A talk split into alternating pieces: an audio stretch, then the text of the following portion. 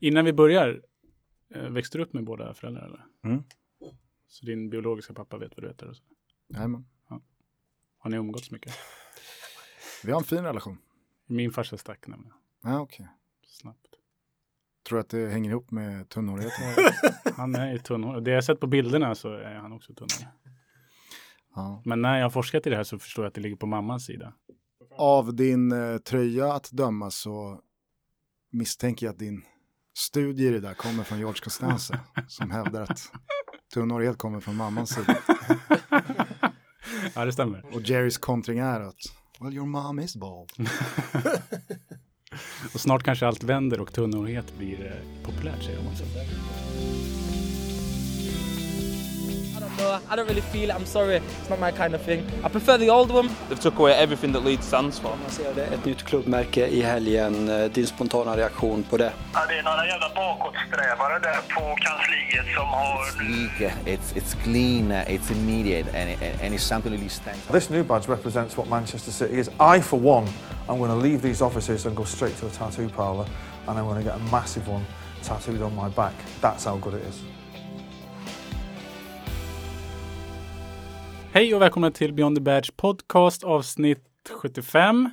Ja, 35. 35. Idag har vi Gusten Dahlin här som gäst. Vi kommer att prata om Roma och ni som vill följa med med bildligt stöd gör det på Instagram och Twitter, Beyond the Badge podcast. Välkommen Leonard, Hampus och Gusten framförallt. Tack så hemskt mycket.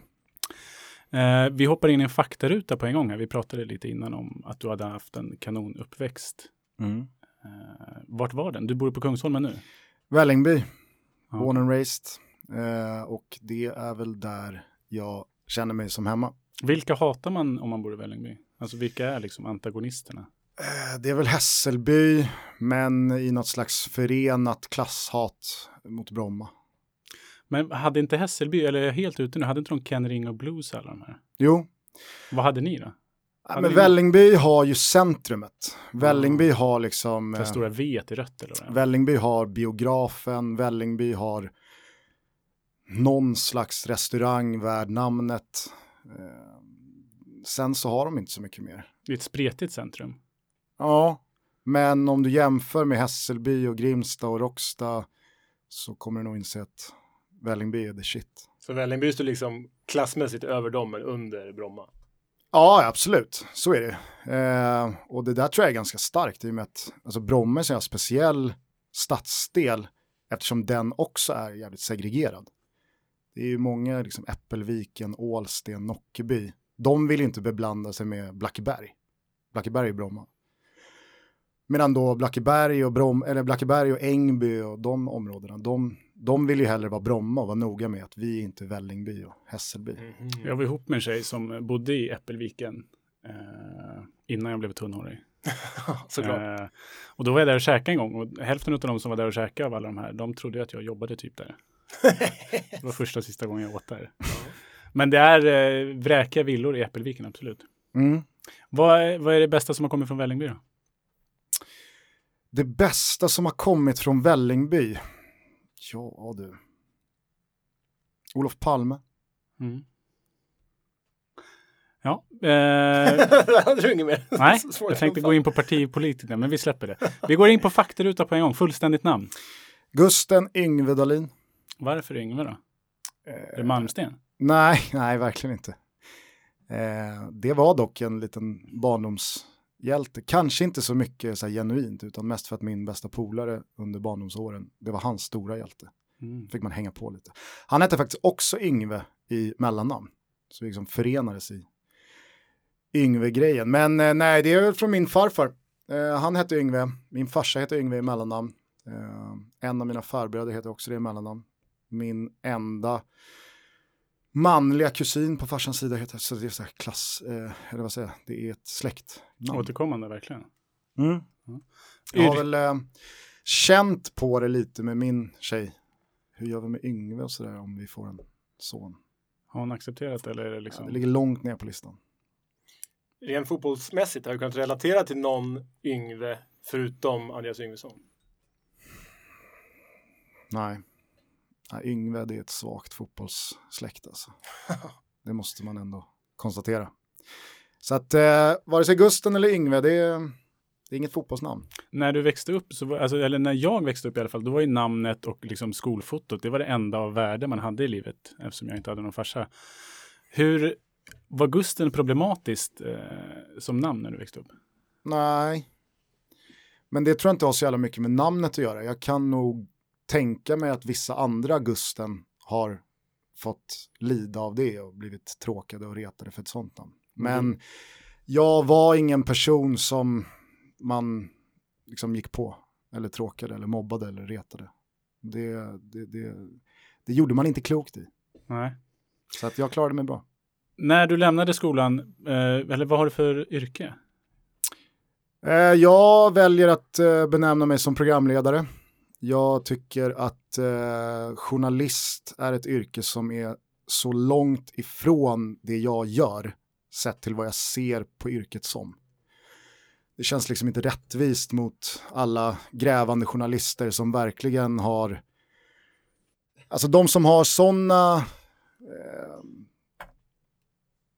ledstjärnor i sitt jobb och gör verkligen tunga gräv. Tycker liksom så här, att jag ska ha samma titel som David Bas eller Magda Gad. Det känns bara fel. Så att jag ser mig själv som programledare. Hur blev du programledare? Det började väl med att man insåg att man inte skulle bli mycket fotbollsspelare. Och att jag resonerade mig fram till att jag vill hålla på med fotboll. Eh, på ett eller annat sätt, för det är mitt stora intresse i livet. Och efter att ha uteslutit eh, lite tränarbanor, domartankar, eh, andra delar av fotbollen som man på något sätt kan livnära sig på så blev det det mediala. Det har väl alltid funnits med, det finns gamla videoband på mig och brorsan när vi sitter i pyjamas och kavajer och kör lite så här tipslördag Eh, och pratar om stryktipset och engelsk fotboll och min brorsa är jävligt travbiten så att han satt och rabblade V75-lister och travreferat.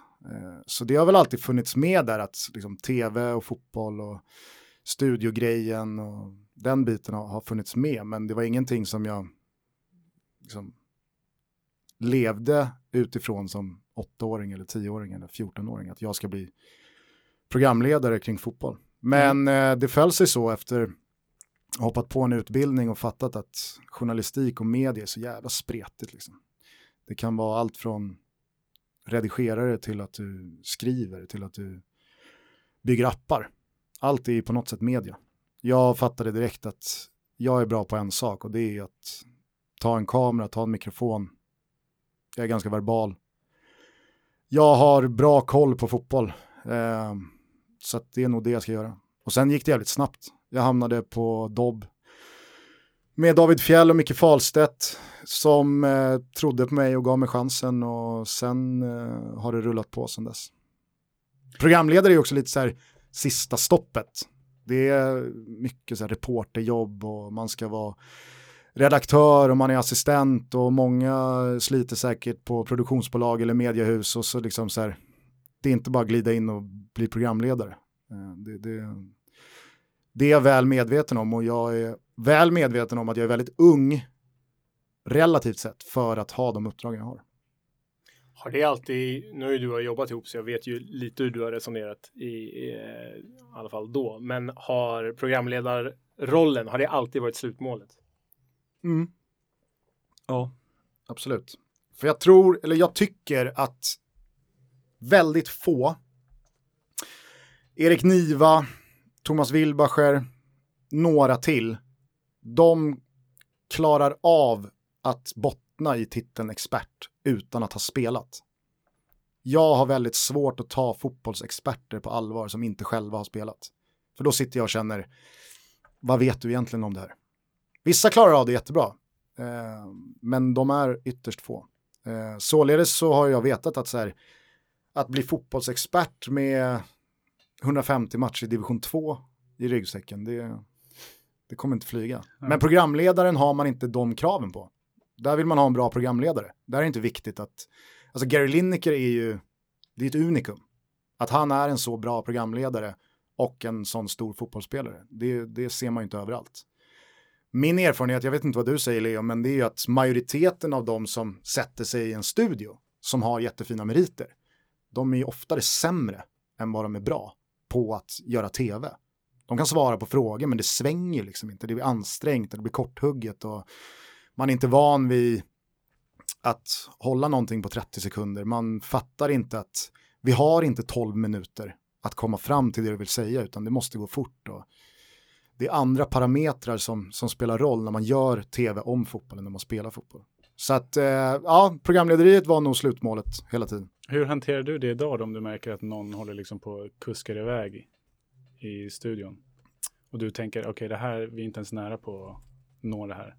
Alltså det är ett samspel. Eh, nu i Simor sådana produktioner så har ju även gäster kontrollrummet i örat. Okay. Och då kan ju de få höra att det är läge att runda. Och det kan ju ibland vara det sämsta man kan säga till en ovan Eh, figur. För då blir de, eh, och så blir det liksom ingenting, det blir inte ens en slutkläm, utan då tror de bara att nu måste jag bli tyst.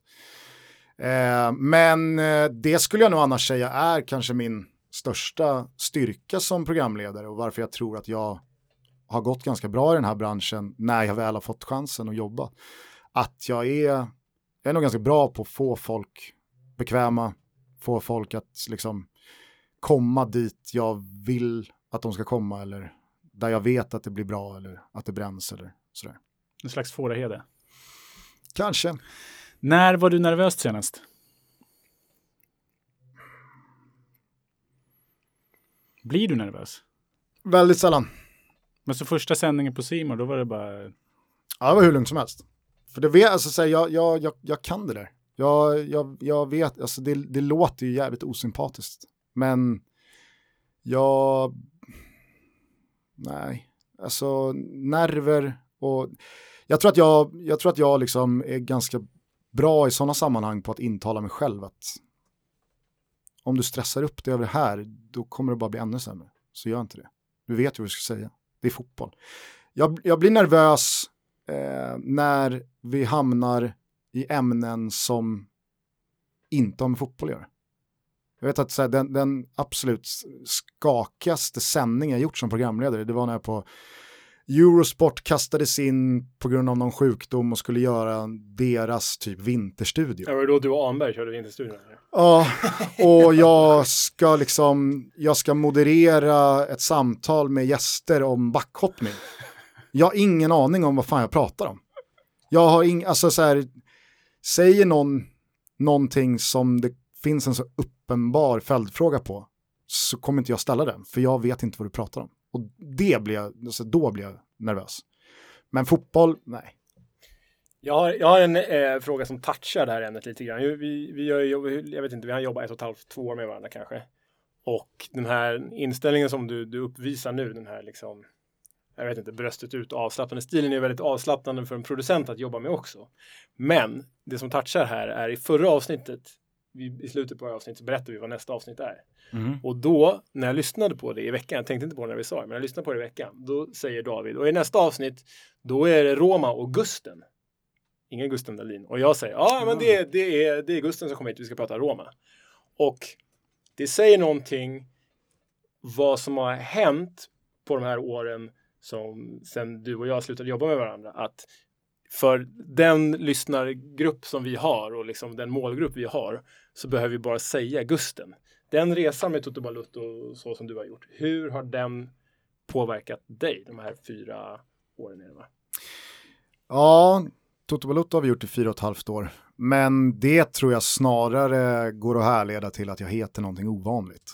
Alltså hade jag hetat Mattias så hade det nog inte flugit att säga nästa vecka så är det Roma med Mattias. För då jag blir det liksom så här, emot. Jag tänker med Olof Lund, det är, alltså, det är inga andra sportjournalister som heter Olof. Och han är ändå den enda Olof.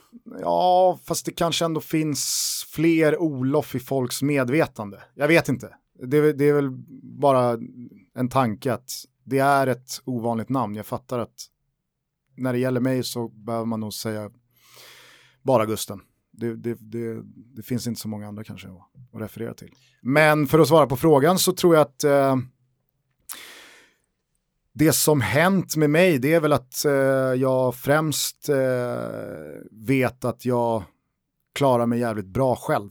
Eh, att jag kan åstadkomma stora och bra saker eh, med mitt eget driv och min egen vilja och jävla massa jävlar anamma. Eh, och det, det landar väl kanske inte alltid i eh, att man känns som världens mest sympatiska människa. Jag vet att många tycker att jag kan vara dryg eller ja, insert valfri synonym. Men eh, det är så jag är. Eh, jag, jag vet att jag hamnade snett. Eh, jag hamnade i ett jävligt jobbigt läge. Jag tror att många hade gett upp eller kanske försökt ett tag och sen lagt ner. Eh, men det fanns liksom inte på kartan och när det blev som det blev så vet jag att jag gick jävligt starkt. Jag gick starkt ur. Vad är det vi pratar om? En preskriberat? Eller Nej, absolut inte. Nej, men jag fick ju sparken från eh, Discovery eh, sommaren 2016 eh, tillsammans med Thomas Wilbacher. Precis efter att jag hade signerat ett nytt tvåårsavtal där och kände att jag hade en bra aktie där. Eh, jag hade nog eh, ja, men en, en bra utstakad framtid där. Som eh, ja, till väldigt stor del eh, av mitt eget omdöme under EM i Frankrike rycktes bort på en dag. Då var det liksom över. Och då var det ingen liksom två minuter, sen är man inne igen, utan då var det ju liksom, nu är det, nu är det mörkt här alltså. Det, det, jag vet inte hur mycket du jobbar i den här branschen, men när en sån där sak händer, det haglar inte in mail om att hej, du, nu är du ledig, Men kom hur till oss. hanterar du, eller hur, ni är väl fel, hur hanterade du det då när man är och liksom ingen vill ta igen med tång? Eh, nej men som sagt, det var, det var väl ett par jobbiga veckor där man eh, kände att hur fan hamnade jag här? Hur kunde det bli så här? Och mycket liksom ånger och mörker och man tyckte synd om sig själv. Men eh, det gick ganska snabbt, väldigt mycket med, med stöd av vänner och familj och tjej. Eh, men ganska tidigt så knöt vi näven i, i, i fickan och gjorde verklighet av det vi alltid har liksom tyckt och tänkt i den här branschen. Att du kan inte, du kan inte gå runt och tro att alla andra ska bära dig någonstans. Du får göra det själv. Och är det tillräckligt bra så kommer det visa sig. Ehm, så att eh, vi var igång en månad senare med Tutto och det tog ju sin tid, absolut inte länge jämfört med hur många som försöker få en podd att flyga. Ehm, men det var ju liksom, vi, vi, var ju, vi, vi hade ju varandra och, och vi hade ett jävla driv. Så att jag, tror vi, jag tror vi växte och tidigt så kände jag att det här ska nog det här ska bli bra och det här ska nå en punkt där jag känner att det, här, det som hände var det bästa som kunde hända. Och så ser jag på det idag. Det som hände EM 2016 där med allt som var, det, allt blev till det bättre. Jag hade inte velat ha någonting ogjort och hade någonting varit ogjort så hade jag inte suttit här idag tror jag. Det är jävligt intressant det där tycker jag med folk som går igenom tunga saker. Jag tror att alla här har gjort det mer eller mindre med olika saker. Men att när man alltid pratar om det så, så är folk så här att jag skulle inte vilja haft det ogjort för att annars hade jag inte liksom varit så stark som jag är idag, eller där jag är idag faktiskt.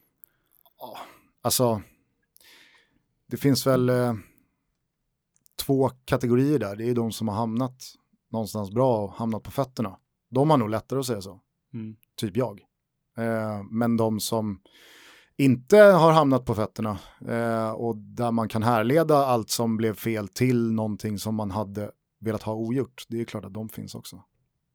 Det känner jag många i den här branschen som vet att hade jag inte bara gjort så eller hade jag inte gjort si eller, och det behöver inte vara någon, som i mitt fall, att man har gjort bort sig, alltså att det är någon skandal. Eh, utan det kan ju vara att du tar ett jobb, du hoppar på ett uppdrag och sen så blev allt fel med det och sen så är dörren tillbaka stängd. Mm. Då, då kan man ju också ångra en sån sak. Vi byter ämne lite här, men vilken eh, följare på Twitter är du mest eh, stolt över? Finns det någon? Nej, Det var någon som hade skrivit till oss på våran Twitter och bett eh, dig av, eller så här, avblockera den. Är det friskt på blockeringsknappen eller är folk väldigt så här, eh, trolliga och då är det bara en block på en gång? Jag tänker att du utsätts för det här i större grad än vad vi gör. Ja, nej men det är nog lite vad jag är på för humör liksom. När man, vissa har oflyt. Ja, Skriver någon så här, dag. skriver någonting halvsekt, men så har jag en dålig dag. Men det skiter jag i. Alltså, jag har inte, jag har inte min Twitter för att alla ska få skriva vad de vill till mig. Eh, och de som jag har blockat har jag uppenbarligen blockat av en anledning, så att Det tåget har gått. ja, där är stängt. Vad är vanligast? Blocken, den totala dissen eller att du går in i full kalabalik? Nej, men det är också väldigt mycket så här humör, men på senare tid så har jag så har jag lärt mig att det är sällan värt att ta någon strid. Det är sällan värt att bli oskön och riktigt liksom ja, men trycka till. Ja, ja, det har jag lagt ner med för att jag vet att det finns uppdragsgivare och det finns andra som så här, de, de önskar inte det och då, då, då kan jag skita i det. Eh, så då, då tenderar det nog mer att liksom så här, äh, ta bort den här liran. Rimligt. Förebild. Eh, Fredrik Pavlidis, Vad har vi på Fredrik Pavlidis? gammal eh, chefredaktör på Svenska fans. Eh, journalist som har haft uppdrag lite varstans. Ehm, men han jobbade på eh, Svenska fans som är fan-tv och Dobbgänget när jag kom in dit. Och jag hade lika gärna kunnat säga David Fjell och Micke Fahlstedt här. Eh, just för att de har varit jävligt ja, men, mentoriska, alltid sett det bästa i mig, eh, alltid liksom pushat, sträckt ut en hand, men alltid varit mer vänner än chefer. Eh, så att det är väl de, de tre som jag verkligen ser upp till. Är du mentor åt någon idag? Jag är mer liksom god man och assistent åt Thomas Wilbacher. Han är också från Salem. ja. Men mentor, nej. Nej. Vad är det nördigaste du har gjort? Jag, jag har gjort tusen podcastavsnitt om fotboll. Ja, ganska Det är nördigt. ganska nördigt. Du tröskar ju Championship Manager 01-02 ganska mycket. Mm, idag. 0001 är mitt spel. Ja, okej. Mm. Det var ju någon skarv där. Jag är helt eh, rudis när det kommer till teknik, så jag vet inte varför det är sån skillnad i Mac-kompatibilitet mellan 0001 och 0102. Men 0001 går liksom inte att spela på Mac. Mhm. 0102 gör det, så att jag har inte spelat 0001 på massa år. Men eh, 0001 har jag spelat så mycket så att jag, jag, kan, jag kan vinna Champions League med vilket lag som helst. Det kan väl, alltså, det kan väl ganska många. Det, det är inte liksom, men där är det, det, var, ja, jag, jag, jag vill inte veta hur många timmar jag spelade eh, CM mellan år 2000 och 2003. Det, det, det, kan, vara, det kan vara groteskt. På de nya FN-spelen, det är ganska möjligt. Då kan man liksom gå in där och se på sin egen profil hur många timmar man faktiskt har. Liksom. Mm, det, alltså, det kunde man redan på Back in 0001. the- Jag har en sjuk, jävligt sjuk grej här. Min polare Jakob som växte upp och jag, vi bodde på samma gata och så spelade vi alltid att han var Marseille och jag Lyon. Mm. Eller så var han Bayern München och jag var Hamburg eller Dortmund. Och då satt vi alltid hemma hos honom på nätterna och körde. Och så gick vi in så här, det här är, jag vet inte, 2005 kanske. Och så stod det alltid en beskrivning så här, vänd kalsongerna ut och in om det var man hade spelat i två dagar eller så här. Eller kom ihåg att äta om man hade spelat ett dygn. Och då gick vi in på sex dagar, sex timmar och sex minuter. Man har så en minut på sig och träffa 666 och så stod det bara du är besatt. Och det är liksom vår partystory ända sedan dess. Det är därför vi inte har så många vänner. Men, men Men det är en liten men tight skara vänner. Nej, jag vet inte, jag hade någon gammal Real Madrid-save eh, på 0001 som jag kollade en gång. Och då sa det så här, men du har aktivt spelat just det här spelet, den här saven, i så här, tre veckor och fyra dagar och 20 timmar. Och det är så här, det kanske inte låter så mycket, men att sitta nonstop i nästan en månad och spela samma save, för att sen typ bara så här, börjar vi om. Då tar vi Udinese här då. Det är där det landar, alltid. Man tar Udinese. Nej, nej, det gör man inte, men det är liksom så här typiskt exempel på ett lag som är helt egentligen meningslöst att fördriva sin tid med. Men Vad är det bästa som har kommit från Udinese? Alltså för vår generation så handlar det egentligen om det där jäkla superlaget de hade för 12 år sedan. Alltså Alexis Sanchez och Jökan Inler och eh, Jack Quinta och Asamoah. ja, Men eh, många hade väl svarat Antonio Di Natale. ja såklart. Det är ingen personlig favorit, men jag Alltså, tror nog ändå att vi F5 får svara det. Så hade de en back, Zapata väl, som blev så jävla bra på Ja, något ja. Som, eh, Han, är ju, Han blev ju ganska bra. han var gick i Milan typ, ju. Ja, nu är han i Genoa, Mm. tror jag. Ja. Två avslutande på fakta här nu. Världens snyggaste klubbmärke, världens fulaste klubbmärke. Blackburn är världens snyggaste. Här delar ju vi ju. Mm. Utveckla gärna varför du tycker det. Nej, men jag tycker att den, den, har, eh, den, har så, den har så fina färger. Rosen är otrolig. Eh, alltså det, det, den latinska, vad säger man, catchphrasen eller liksom Mottot, liksom. mottot. Arte et labore, är det va? Ja, Betyder- Eh, ja, det betyder väl konst och arbete. ja. by skill and labor. Jävligt bra. Lite nosa på nazism där. Nej! Nej, verkligen inte. Nej, men och sen så var, jag vet inte, det hängde ihop med ett, ja, alltså, jag, Blackburn hade ett otroligt charmigt lag i slutet på 90-talet, början av 00-talet. Eh, Ewood Park och, ja men just, jag, jag, gillar, jag gillar när det finns eh, färger i ett klubbemblem som inte nödvändigtvis behöver vara representerade i liksom dräkten. Som ändå är sjukt snygg för att den är tudelad. Ja, blått exakt. vitt, liksom. Exakt. Eh, så att, äh, hela färgkombon, mottot, eh, rosen. Det är otroligt alltså. En fråga här som Mm. jag har diskuterat mycket med, med några av mina kompisar på sistone som jag liksom inte har tänkt på. För vi har ju verkligen bara pratat klubbmärket i sig. Men något som jag har upptäckt först nu för att en av mina kompisar påpekar det är att det är nästan ännu viktigare hur det ser ut på tröjan. Det kan vara ett snyggt klubbmärke, Ja, men om ja. tröjan är keff, då är det inte så mycket värt. Liksom. Nej, nej, nej. nej det, är, ju- det, är, det, är, det är som med matchtröjor. När de kommer i början på varje säsong. Jaha, ja, det, det, det är onödigt att dela ut betyg förrän vi ser hur det ser ut på.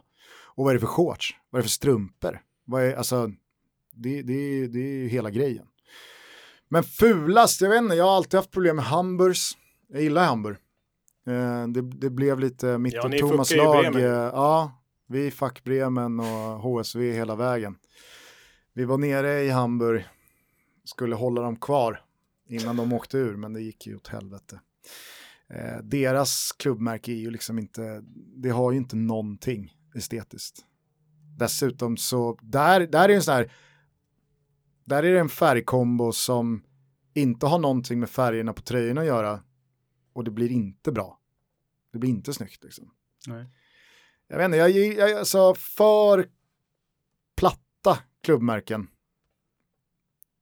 Det går bort. Mm. Men de som försöker konstla till det för mycket, Som. det, ja, men, det finns väl massvis av, av exempel. Men eh, det är väl just den där balansen. Och så får det inte vara för modernt, men det ska liksom... Det är ju sällan snygga klubbmärken har överlevt hundra år. Så är det ju. Men eh, jag vet inte, Hamburg är väl... Ja. Vi har ju diskuterat HSV, vi hade ju ett avsnitt Rosenborg är inte roligt heller. Alltså. Nej. Rosenborg är Det är som en matematikförening eller någonting. Ja. typ. Men när vi diskuterade HSV, det var väl tio avsnitt sen kanske, Mm. då eh, vi håller väl alla med dig om att det är estetiskt ganska trist. Men jag tycker det finns en poäng att det finns ju inget annat som ser ut så. Det är i alla fall ett plus i min bok. Ja, Bara för att man är alltså- den enda med spetälskare i byn så behöver inte det betyda att man liksom är, är härlig. Det gör det annorlunda i alla fall. Jag har Ja. en till inskjutsfråga här nu. Vi har pratat i tidigare avsnitt här nu om eh, vad heter det? andra namn. Mm. Du är namnkunnig utav bara helvete här nu. Vilka vi har sagt? Vi har sagt Jimmy Floyd. Alltså namn, fotbollsspelare som man måste nämna dubbel, eller man nämner dubbelnamnen. Andra namnet. Ja, Diego Armando, Armando säger man hela tiden och Jimmy Floyd säger man. Har du Och någon mer? Diego Alberto Milito fick vi som inskjutare också. Juan Sebastian Veron. Juan Sebastian Veron fick vi också. Som? Har du någon top of mind som du kommer på? Det här som Mårten Gamst Pedersen. Ja, den är bra. Vem är det då?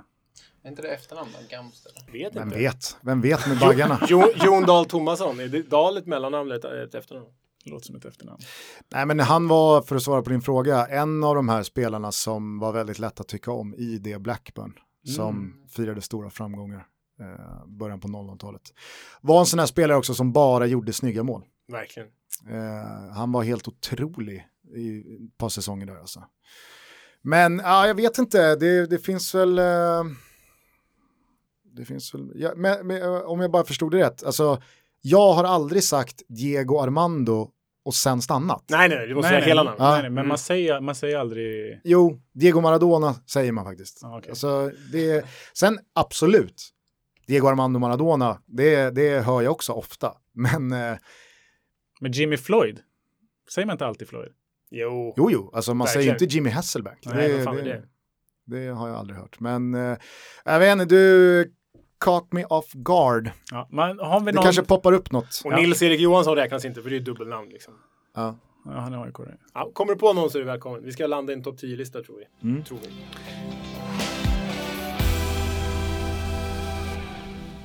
Eh, vi hoppar över till eh, din relation till klubbmärken. Vad Mm. har, du för, har du någon slags relation? Eh, ja, det är klart jag har. Men den är nog mer eh, diffus och abstrakt än att jag någon gång har utvärderat min relation till samlingsbegreppet klubbmärken. Jag är eh, nog ganska bra på att så här, om man lyfter bort eh, klubbnamn och om jag bara får se, lyft bort färger och så vidare. Då skulle jag nog vara ganska vass i ett quiz på att säga vilken klubb det är. Men jag är ju inte på nivån att liksom släktforska och gå tillbaka och vilja veta hur Portos klubbmärke såg ut för 60 år sedan. Eh, sen så är jag ju liksom, jag är ju en eh, konnässör av svensk, italiensk och engelsk fotboll främst att sker en förändring i ett emblem eller ett klubbmärke så har jag ju en åsikt om tycker är snyggare eller inte. Chelsea har ju genomgått några sådana.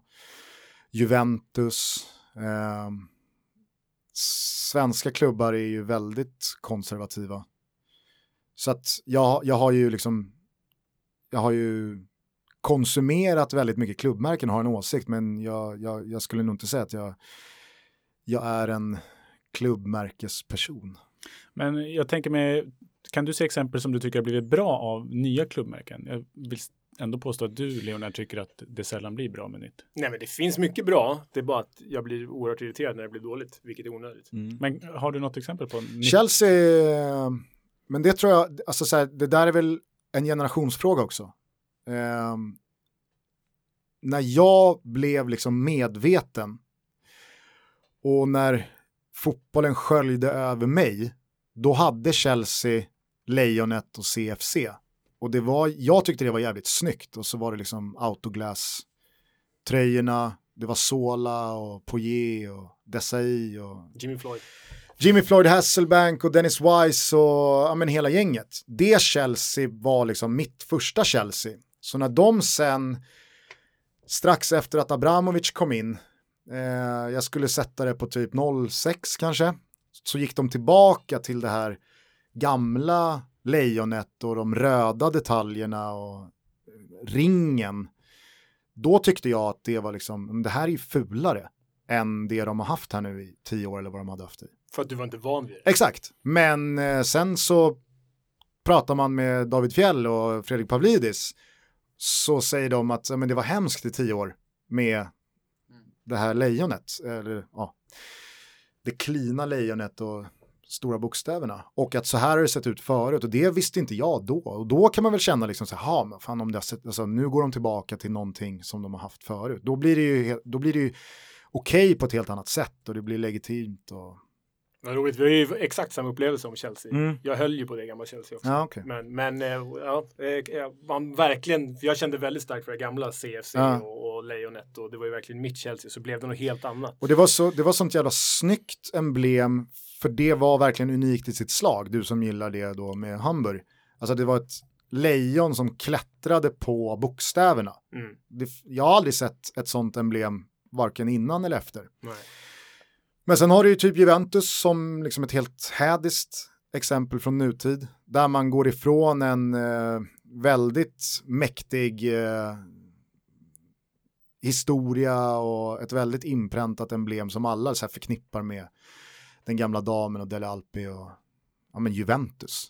Och så kommer det ett jävla, jag vet inte vad. Klädesmärke liksom. Ja men det, alltså, det har väl skojats som både toalettsitsar och det ser, alltså, det- ja, men det, det ser för jävligt ut. Mm.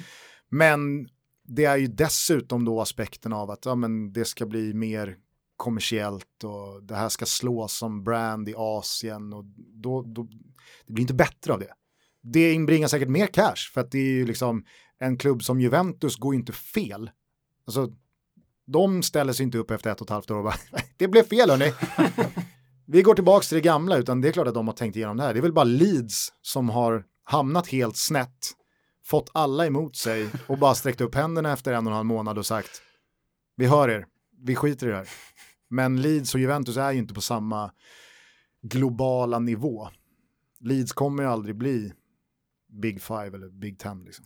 Vad gör det i dig när du ser en sån här grej som Juventus gör? Och sen att de har banat väg då för typ Nantes och Reims och, och så vidare och så vidare. Den typen av klubbmärken som kommer nu. De här extremt digitaliserade varianterna. Det är, alltså, där, där tror jag ändå att jag, jag bryr mig i någon slags fallande ordning utifrån hur mycket jag bryr mig om klubben. Vad Nant gör. BK Häcken är inte heller så jävla intressant kanske. BK Häcken är mycket närmre mig än vad Nant är. Ja. Eh, så det tror jag snarare har med det att göra. Eh, att Juventus är en big thing, för det är Juventus. Nant kan, det kvittar. Ja, ja, gör det då. Leeds är ju inte Nant heller. Leeds är ju mycket mer än Nant, för mig. Eh, men eh, det, alltså, så här, ja, det har ju varit en stor grej i Romas emblem också när man ändrade från ASR till Roma.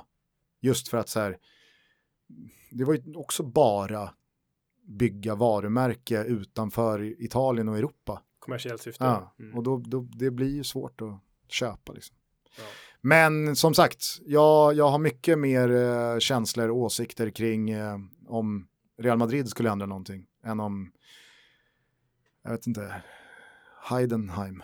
För, för, för sig och, Fina Rami Noris Heidenheim, vår gemensamma kollega. Mm.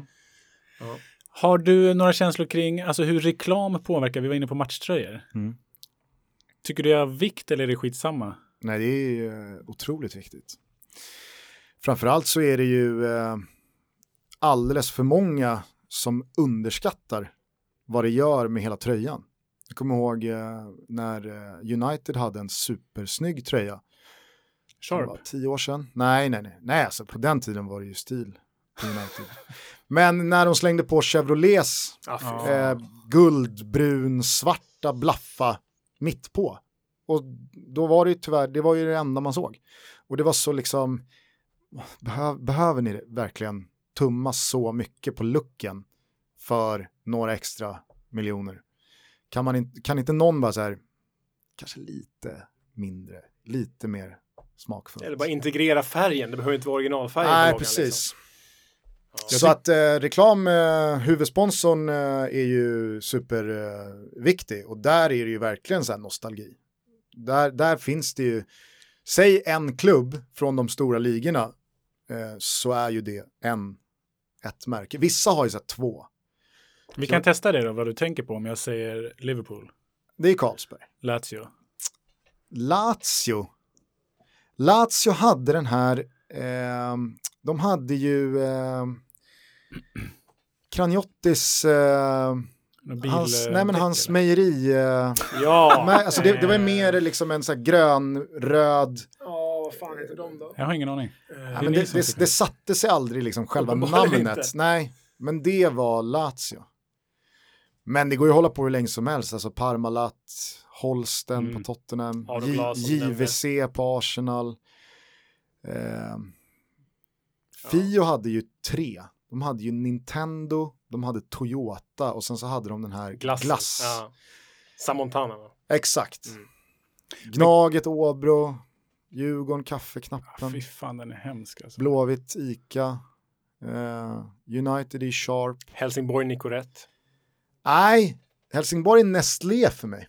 Ah, just fan. Champions League-åren. Mm. Arild Stavrums Helsingborg. Vad är Gävle då?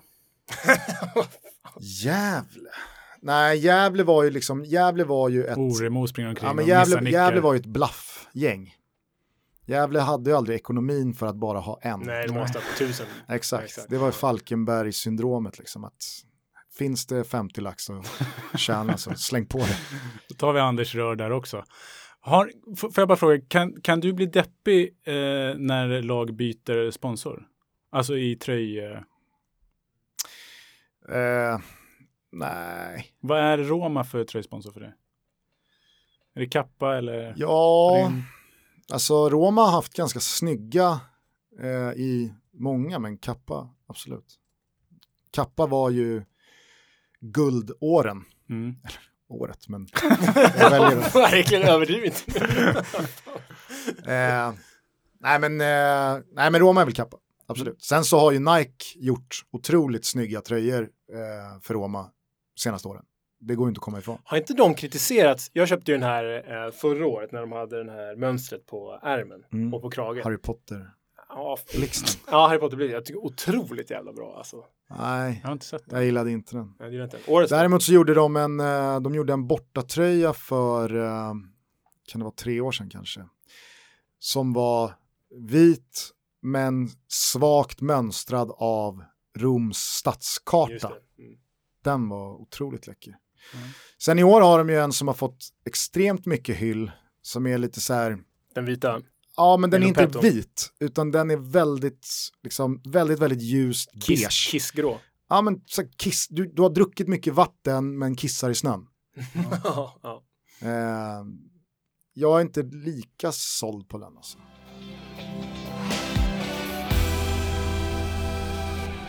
Hur blev det Roma? Eller varför? Och när?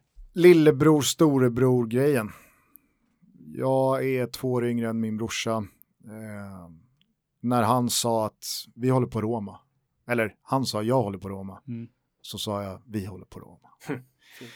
Men eh, det blev eh, väldigt eh, mycket Serie A där i början, mitten på 90-talet. När liksom den kom med Uno Cristo och italienska stryktipset och Don Tomaso och Claes Åkesson. Och, ja, men, eh, ett, ett substitut och ett alternativ. Inte för att jag som sexåring hade kikat tips extra och lervällingsbollen från Bolton mot Crystal Palace i 25 år. Jag var ju som sagt väldigt liten. Eh, så vart det ändå liksom en kontrast med att sappa över, eller det var väl väldigt mycket lördag-söndag. På lördagen så kunde man se Bolton stånga i Championship med Pepping och gänget. Och sen så blev det söndag och så blev det helt plötsligt sol och grön gräsmatta och löparbanor och snygga tröjor och långt hår och något helt annat på läktaren och det var sånger och det var konfetti och det var rullar och det var målgester och det var spelare från Sydamerika och det var alltså det var ju en sån helt annan grej bara. Eh, så att någonstans där så fastnade Isak för Roma och det var väl väldigt mycket, liksom, alltså så här, Olympico är ju en otroligt bildskön tv-arena när den är fullsatt och när det är sol och när det är liksom någon som gör ett mål och hoppar över reklamskyltarna och springer ut på löparbanan mot kurva sud. Alltså det är, det är svårt att inte tycka att det är en fet arena då. Och så tröjorna och laget de hade. Jag vet inte, det, det blev liksom Roma så att det, det, det fanns liksom ingen sån här exakt startpunkt utan någon gång 95, 96, 97 någonstans där så blev det Roma. Och så var det bara så. Vem är din favoritspelare all time Roma och du får inte säga Francesco Totti. Eh, jag driver ju Aldair Media idag som en hyllning till min första idol då, för då hade ju liksom inte Totti blivit Totti än. Han var ju liksom 20 bast då. Och han hade väl redan dragit på sig kaptensbinden och tagit över tian, men han var ju inte den han skulle bli bara några år senare. Utan första liksom, min första hjälte var Aldair. Eh, men sen blev det ju väldigt mycket Totti. Jag var väldigt svag för Christian Panucci. Eh, Jävla bra frilla på honom den här vattenkammade. Ja, på senare år så älskade jag Vasilis Torosidis. Ehm, Den känns dragen lite ur bakvid. Den, det är nog inte många som väl liksom nämner honom i det här sammanhanget. nej, nej, men Torosidis håller jag högt alltså. Det var, han var otrolig. Jag gillade um, Rodrigo Tadej, UD, alltså så här, jag, jag, hade, jag har liksom en gubbe som låg mig lite extra varmt om hjärtat från lite varje era. Så här. Först var det Aldair och sen var det Totti och sen så blev det Panucci och Torosidis. Men det, alltså det, finns, det finns precis lika många som jag avskydde. Och som där ögonen blödde varje gång jag såg dem. Som, John Karev. ja jo. Eh, det, I know your pain. Shabani Nonda. Nej, det, är, alltså, det finns så många jävla dassgubbar som har spelat i det där laget. Eh, så finns det ju eh, jätte, alltså, alltså, Bogdan Lobont. Spelade väl typ 11 matcher. Mm. Men en otrolig spelare. Fin ju. Ja, sanslöst bra. Eh, Candela, fantastisk. Tränos Dellas måste jag nämna. Fan, det är, det är, han är topp tre alltså. För att han är en profil eller för att Han var så jävla, han var så jävla eh, så zero fucks given i hur tråkig fotboll han spelade. Men så satans effektivt. Och så hade han alltid shortsen ganska högt upp, instoppad tröja.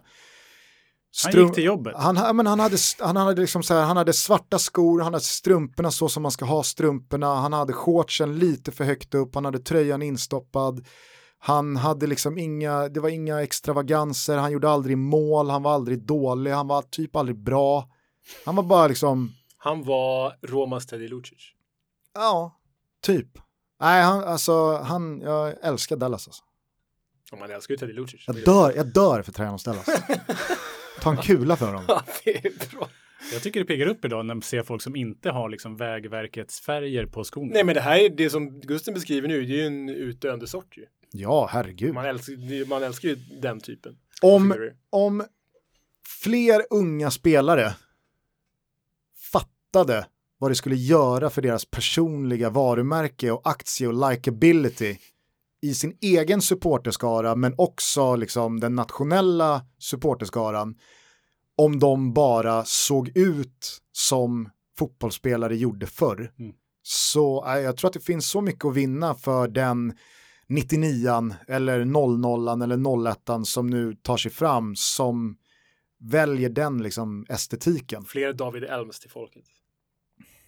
Nu är väl David Elm kanske inte den spelaren jag tänker på, Har vi men någon eh, ung idag som liksom är up and coming med en Tobias Linderoth och Thanos Dellas aura och sånt? Hade Simon Tibbling inte kunnat landa där egentligen? ah, men Simon Tibbling är för svag utanför plan, alltså medialt. Ja, han, han, han går liksom inte att ta på allvar. Han blir för, det här är bara en liten pojke som inte vet någonting om världen. Mm. Och det, då, då går det inte. Nej. Det Du måste måste- ha pondusen som Panucci och Dellas hade då. Ja, eller i alla fall liksom någonting som får mig som 31-åring att känna att fan vad jag hade velat vara den här killen. Mm. Det där, jag hade inte velat vara Simon Tibbling. Al- Albin Ekdal då? Jo, men han är 31. Ja. Men har han de kvaliteterna då? Ja, men det har han väl. Alltså, han har ju aldrig, eh, han har ju aldrig, eh, eller det har han väl, eh, haft andra färger på skorna, men han är ju väldigt mycket så. Det är, det är svarta skor, strumporna sitter där de ska, han är stilig och korrekt och han har ju en spelstil också som jag tror attraherar väldigt många på läktaren att han är smart men han är inte någon som filmar för mycket. Han, han vet hur man vinner en frispark, men han är ingen man stör sig på. Du saknar den gentlemannamässiga fotbollsarbetaren liksom. Ja, men alltså, jag, jag, jag, saknar, eh, jag saknar Paul Scholes. Ja, och det gör man ju. Jag saknar, jag saknar att se två spelare ligga och skava på varandra och smälla på och kriga i 90 minuter och sen så går slutvisslan och så tar man i hand och så går man av plan och så är det inget mer med det. Det, det kan jag sakna liksom när jag tittar på fotboll.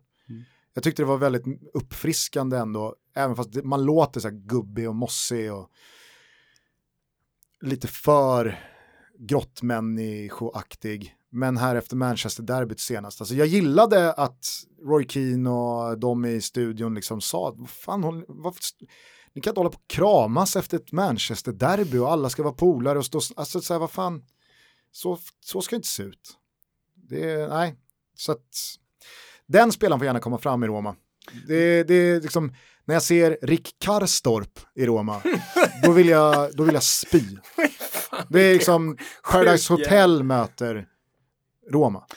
Glad att du nämner Paradise Hotel. Har man eh, internetuppkoppling och eh, knappar in YouTube och kollar på Derby Days från 2014, Mm. då kan man se en glimt av eh, Gusten Dahlin i en Paradise Hotel-frilla. Har jag det? En, li- en liten eh, Paradise Hotel-frilla. Ah, jag vet inte, alltså, vet, här, vi kanske har olika syn på vad en Paradise Hotel-frilla är. Mm. Ja, det kanske lyssnarna får avgöra då. då. Vad, vad, alltså, för, Alltså, mig, jag- för mig är en Paradise Hotel-frisyr, det är ju eh, att ha långt hår. Ja, du hade ganska Gärna, långt hår, gärna lite- uppsatt i en knut. Ja, okej. Jag tänker att den var mer vaxig liksom. Ja, okej. Ja. ja, jag vet inte, det är väl, alltså, så här, du har väl tolkningsföreträde här. eh, men eh, Mitt visst. minne kan också svikta, men jag undrar vad, hur kommer det sig att du är med i den? Eh, det kommer sig som så att eh, det här eh, gänget, Total 90 heter de va? Ja. Koppa. Koppa 90. Koppa 90. Eh, de eh, är väl från Australien tror jag. Och har således ganska så glest med telefonkontakter. Då hade de det i alla fall. Så när de väl träffade någon som de upplevde var bra så gick de väldigt mycket genom den personen och frågade så här, nu ska vi göra det här avsnittet, har ni någon som vi skulle kunna träffa då? Mm. Och då hade de nyligen eh, innan dess gjort om eh, Derby della Madonnina, alltså Inter Milan. Och jag vet inte om, jag har inte sett det avsnittet, jag vet inte om han är med, men på något sätt så hade de då haft kontakt med Siavush Falai, som är en stor Inter-supporter, svensk. Eh, och eh, då hade de frågat honom om de hade någon, eller om han hade någon som, så, ja, men finns det någon vi kan prata med eller som kan peka oss i rätt riktning. Och då hade han föreslagit min kompis Jakob, som är liksom hardcore Roma eh, hela vägen. Och så råkade det eh, falla sig så att just det derbyt var, eh, vi var på några matcher tillsammans. Och eh, det var en av, en av dem. Så jag var bara, alltså så här, det var inte mig de skulle träffa. Okej. Det var Jakob och då Tito som var den här ultrasledaren de skulle träffa. Eh, men som av en händelse så blev det Mitsey som kom med i slutredigeringen. Mm. Eh, så att, jag vet, det var, ja, på så, på så vis var det. 0-0 slutade det där. Det gjorde det va. Jag kan säga att jag minns inte supermycket av matchen. Är du dyngjanne eller? Nej, nej. Tagit ecstasy? Nej, nej, men det, det, nej. Men vad, är det bara minnet som sviker eller? Nej, men alltså det, var, det, alltså det var ganska många matcher de där åren. Ja, okej.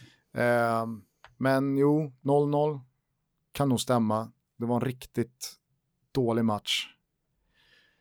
Jag stod i kurvan och kan ha fingrat på en holk i paus. Klippa en hövding bara. Det är ju det är som att ta en korv Mm. på Grimsta. Sprucken korv med gammal Ja, men så är det. Alltså, um, haschet och gräset är ju det är väldigt eh, vanligt på italienska kortsidor.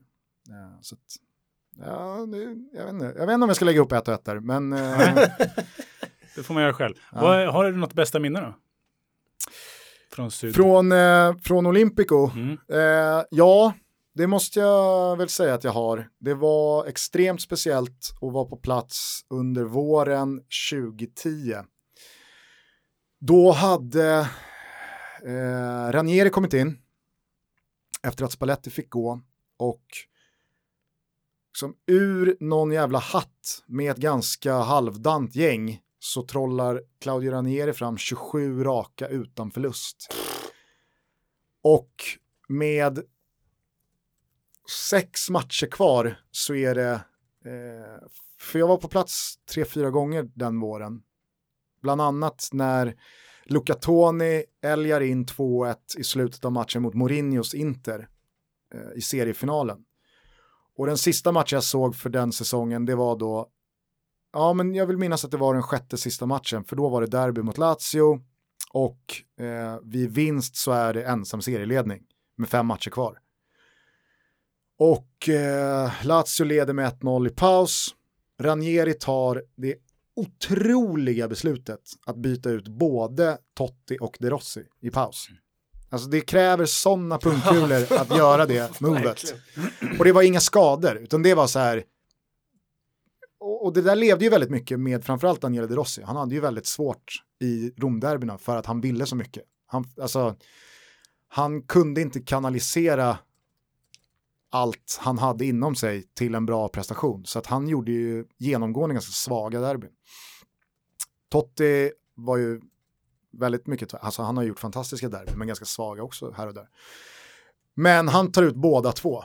Så när laget kommer ut liksom till andra halvlek och de ropar ut i högtalarna att liksom, dubbelbytet, alltså det, var, det, var så, det var så märklig stämning så att det är så här, vad fan gör Ranieri? Och sen så det första som händer är att Lazio får straff. Men då tar Julio Sergio den. Ja, fy fan, den jäveln. Ja, han räddar den och sen så går Mirko Vucinic upp mot kurvan och gör två. Och vänder 0-1 till seger 2-1. Och då var det, äh, då var det, då var det en otrolig stämning. Och då var det verkligen så här, nu är det fem matcher kvar. Ganska bra spelschema. Eh, men så kommer ju choken direkt mot Sampdoria hemma i matchen efter. Och det var en sån match som Roma skulle vunnit med 5-0. Men bollarna går inte in. Pazzini har en sån här dag där han på en målchans gör två mål. Och så, ja. Och då visste man att så här, Inter, Mourinhos Inter, de, de kanske slarvar en gång. Men de slarvar inte två gånger. Mm. Så att eh, Inter gick ju rent. Och då spelade det ingen roll att Roma vann fyra sista. För då vann så att, nej, det, det, den matchen var, den var otrolig. Då får vi ta och runda av eh, den här veckans avsnitt med Gusten och ta vidare nästa vecka. Så tack Leonard Hampus och Gusten för den här veckan så hörs vi nästa vecka allihopa. Ha det bra, hej! Ciao. Gusten säger hej då. Hej Schweiz. Tack.